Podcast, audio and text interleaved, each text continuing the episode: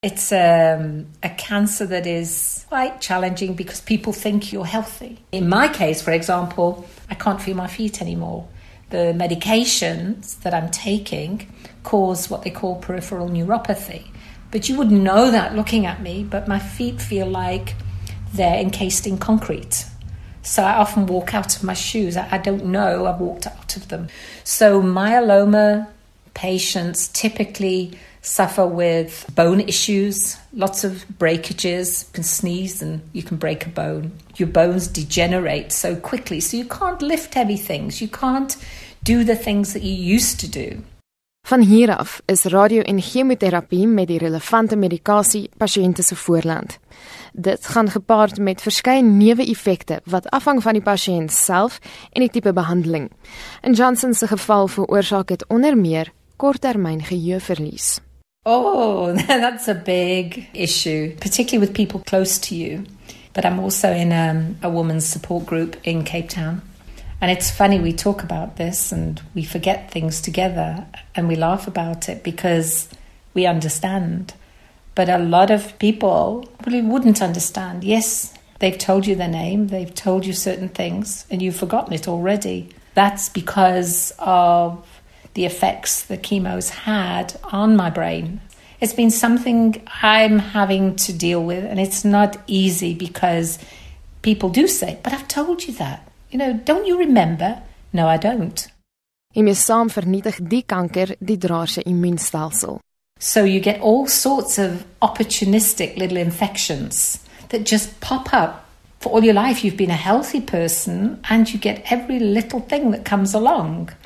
My biggest fear is that I catch a cold, which could turn into bronchitis, which could turn into pneumonia. And many myeloma patients die of pneumonia. Johnson was tot onlangs afhanklik van lenalidomide om haar myeloomvlakke stabiel te hou. Die oorspronklike produk word beskerm deur die huidige patentregwetgewing, maar haar hospitaal kon aanvanklik 'n generiese produk uit Indië invoer onder seksie 21 wetgewing. In 2015 het die generiese produk haar R4500 per maand uit die sak gejaag, terwyl iemand in Indië dit vir R1900 oor die toonbank kon bekom. Sy moes goedkeuring by die Suid-Afrikaanse owerheid vir die regulering van gesondheidsprodukte kry vir die invoer van die medikasie.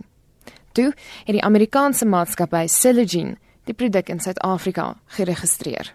The day that document was signed was the day that my right to access that generic drug was taken away from me. My medication went from 4,500 per month to 75,000 rand.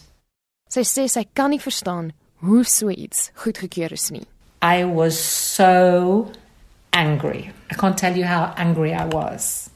It did not make sense. How can a medication be approved at 75,000 Rand per month, knowing full well that people cannot afford it. The medical aids in the main won't approve it. The government hospitals certainly don't have that money to be able to pay that. When the Indian generic has been available, is still available, but is now not legal to be imported. Sy het steeds ondanks verskeie pogings geen toegang tot die medikasie nie. Om die land te verlaat vir behandeling is ook buite die kwessie. The last place somebody needs to be with a compromised immune system is sitting on a long haul flight. We know that on long haul flights the opportunity of catching germs, flu bugs and that is incredibly high. So wh- why would you, why would you do that? And then to travel on your own to a place you've never been to, why would you put a patient through that?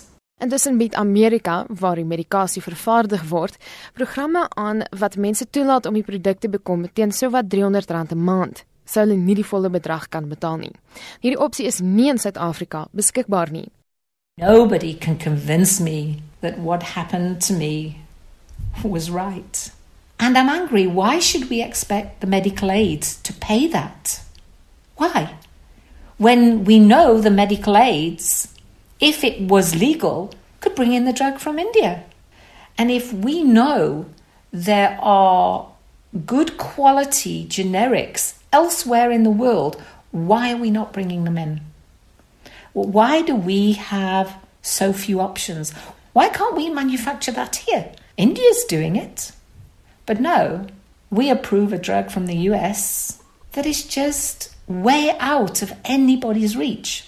Na 'n jarelange stryd word daar egter vordering gemaak om die huidige wet op patenteregte te wysig. Intussen hoop Johnson soos vele ander pasiënte dat dit nie te laat sal wees nie. My oncologist um, will be approaching the MCC to request again for me approval for a Section 21. I don't know how successful that will be, and I'm not thinking that far ahead, but this is the drug now I need as maintenance until it stops working and we have to try something new. Many people are in the same boat as me. If I don't get this medication, then yeah, eventually I will die. Dit was Sue Johnson. Sy laan veelvoudige myeloom kanker en sy het nie toegang tot medikasie nie, maar sy weier om haarself as 'n slagoffer te sien. Ek is Marlene Forsie vir SAK nuus.